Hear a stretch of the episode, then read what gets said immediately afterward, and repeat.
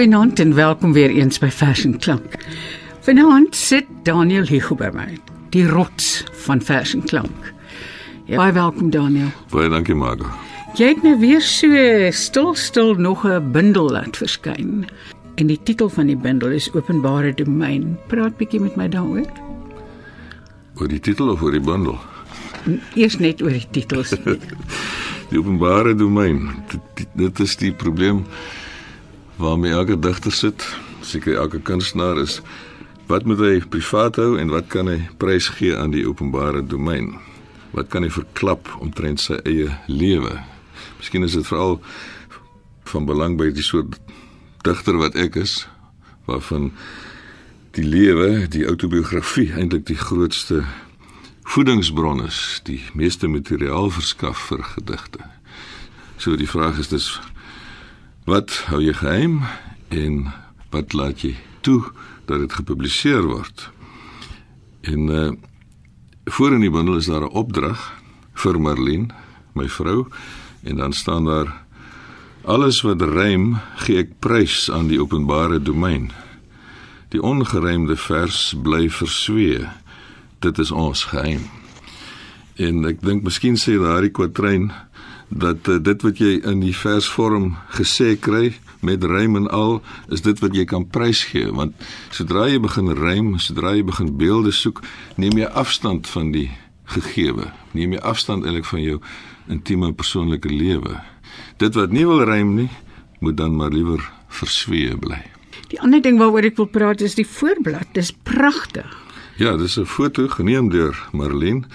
Dit is 'n foto van ons voordeur op Prins Albert. Ons woon deesdae op Prins Albert. Die bodeur staan oop en deur die bodeur sien mense 'n deel van die tuin en die son wat opkom, die vroegoggendson wat daar inskyn. En uh as jy deur het, het jy 'n drempel, het jy 'n binne en 'n buite en dit is eintlik waarom dit gaan, die private en die openbare. En hierdie bundel gee dan 'n blik op die binnekamer want die deur staan oop. Maar dit lei jou ook buitentoe. Dit lei jou ook buitentoe inderdaad. Hoe dikwels is digters jammer na die tyd oor goed wat nie verswee gebly het nie. Wel, elke digter moet myself antwoord. Ek uh, daar's sekerlik 'n paar verse wat ek by nabetragting liewer nie die lig sou laat sien dit nie. Maar uh, ek hoop nog altyd dat ek eendag gekeur het my gedigte sal kan saamstel en dan kan mens daai gedigte uitgooi. Dit het selfs gebeur in die geval van Elisabeth Eybers met die samestelling van haar versamelde gedigte. Het sy 'n hele klomp gedigte uit haar eerste bundel weggelaat om kwaliteitsredes, sy het gedink dit is nie goed genoeg nie, maar ook uit haar latere bundel of bundels juis om persoonlike redes. Dit staan in die verantwoording van die versamelde gedigte, ja. Kan ons praat oor die agterblad? Ja. Ja, die agterblad sluit eintlik aan by die voorblad. Ja. Want agterop staan daar 'n gedig met die titel Voordeur. Hmm. En dit gaan so: Die dag dring die kamer binne met klank en kleur, met geur en lig. Die woordventer kom tot sinne, begin stamel aan 'n gedig. Die teks het sy eie drempel waaroor woorde versigtig tree. Wat binnerym sag laat rimpel, word in die buitelug geskree. Miskien is dit een van jou beste verse. Ek is baie bly en dink dit is heel laaste geskryf spesiaal vir die omslag van die bundel. Ja. En uh, ek het daar 'n verwysingkie in vir die ingewydes. Uh die huis waarin ons woon op Prins Albert het eers behoort aan die skrywer aan die skrywer Eben Venter. En uh, daarom verwys ek ook in hierdie gedig eintlik na Venter as ek sê die woord Venter kom tot sinne begin stamel aan 'n gedig. Een van sy bekendste romans het die titel Ek stamel, ek sterwe. Die dood speel ook 'n belangrike rol in hierdie bundel. Daar's 4 afdelings. Ja, Ek is altyd geïnteresseerd in hoe jy besluit wat jy waar wil sit. dis tematies ingedeel. Nie altyd nie, voel dit vir my. Dit voel vir my asof daar soms in die eerste deel ook liefdesgedigte is. Ja, die liefde is onkeerbaar. Die die oortree die drempel, ja. O, goed. Die drempel van die afdeling. Ja. So die vier groepe is dit. Ja, die eerste afdeling gaan oor die huis en die tuin daar op Prins Albert, so dis natuurgedigte meestal. Die uh, tweede afdeling is dan liefdesgedigte. Die derde afdeling gaan oor die skryf van gedigte en oor ander digters. En uh, die vierde afdeling gaan dan eintlik oor die dood en oor die moontlikheid dat daar 'n skepper of 'n god kan bestaan. Gaan ons begin lees. Ons kan begin lees. Die uh, eerste gedig in die bundel het die titel Kaart en Transport. Dit is 'n bietjie van 'n selfspottende gedig. So Tolstoy sit ek op die stoep waar ek uitkyk oor my landgoed. 'n Dubbele dorpserf met huis en vetplanttuin wat winters blom. Bergwater brom in die lyf voor. My kat spin sy lewensverhaal van liefde, oorlog en vrede. My vrou pruttel in die kombuis. My hond bewaak getrou die hek. My tuinman spit. Dis die naaste wat ek ooit aan 'n graafskap kom.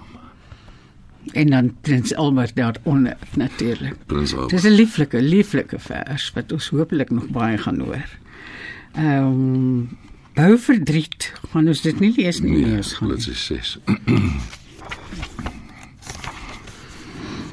Nou gaan ons heen. Ja, hier is tuiste, maar dan Afrika is tuiste van die Afrikaanssprekende en die Afrikaners soos wat ek is.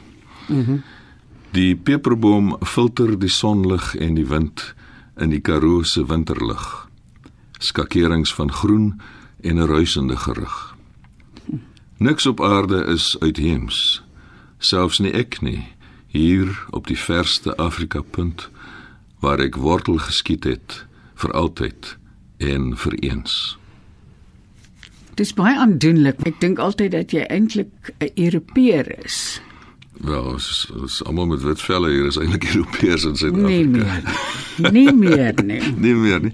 Maar wat ek net wil sê is daardie peperboom mm. waarna verwys word is natuurlik ook sogenaamd uitheems. Hy kom uit Australië, né? Dis die Australiese peper en daar ek identifiseer my met daardie peperboom wat so goed aangepas het in Afrika, maar dan veral in die droë Karoo. Maar die ruising daar soos wat my tref, die sonlig in die wind in die Karoo se winterlug, skakerings van groen en 'n ruisende gerug. En daai ruisende klank van die peperboom Ja. is vir my Ja, ja. lieflik. Die peperboom kom ook later in die bundel voor as 'n swerm spreeus daarop toesak.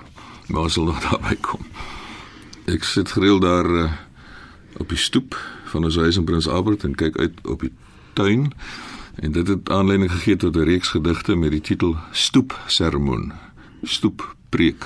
Ek lees die tweede gedig in daardie reeks en die oeklank asseneer dan verder in die woord Boeddha.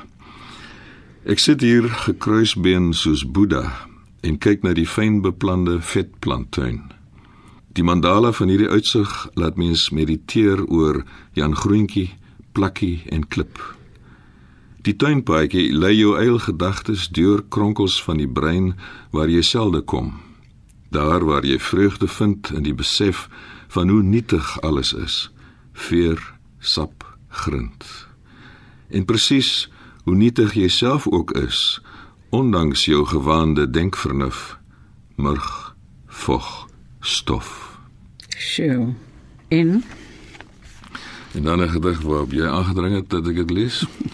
At miskien moet ek net eers sê dat hierdie gedig toe ek dit lees het gegiggel die eerste keer lees want dit het vir my gevoel asof ek na 'n parlementêre uitsending kyk en luister. wel ek het nie enige Huidige parlementêre Ja, sê. ek het nie enige politieke bedoelings gehad met die gedig nie, maar ek is bly dat die gedig dus meer as een betekenis in hom opgesluit het. Ad astra, dis die Latyn vir na die sterre. Die rankalwyn rig sy rooi vuurpyle ruimtewaarts na die altyd vlammende bron. Dat die suikerbekkies en die bye kan deel in die soet turbosap van die son. Die een voet daarmee sy vliegvernuf, die ander vervaardig vir sy angel gif. Die alwyn weet van geen goed of kwaad. Al wat geld is die oorlewingsdrif.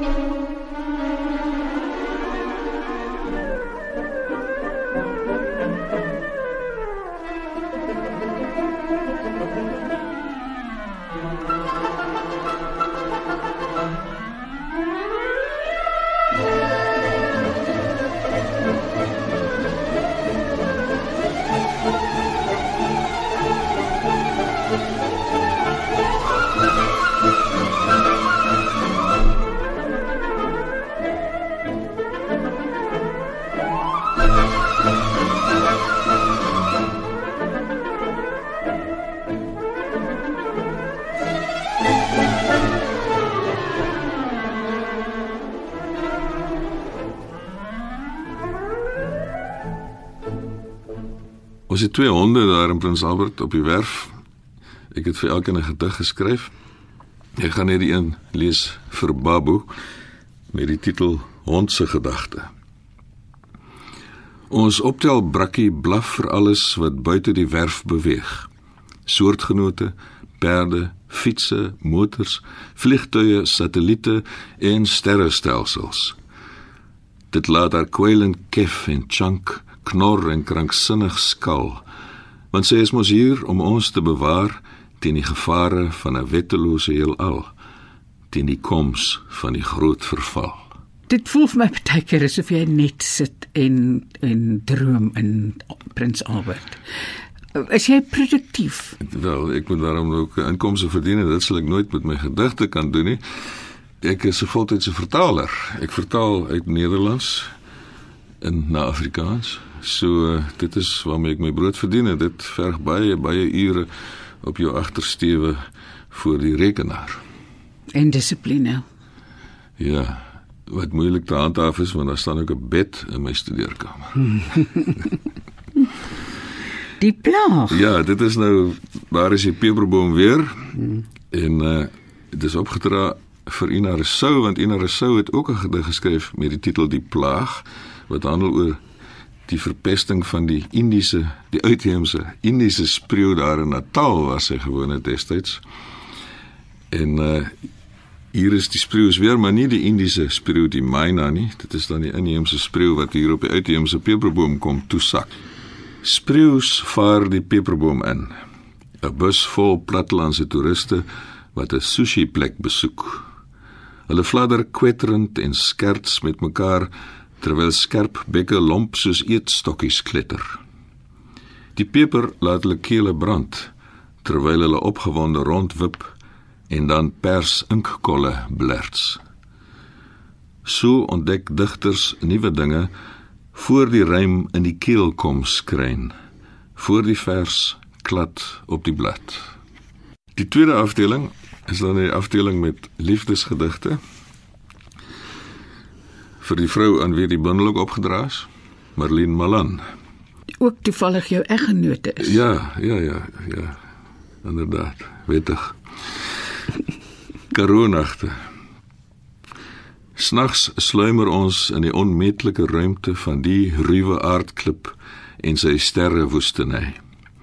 Aan muskiet en verskietende meteoriet uitgelewer, droom ons onverstoord tot dagbreek voort. Terwyl die sonaar van vlermuise oor ons waak en die spreilig van die maan op ons werwe skyn. Die bemoerde haan sal vroegdag alarm maak voor die son se rolbos weer oor die vlakte brand.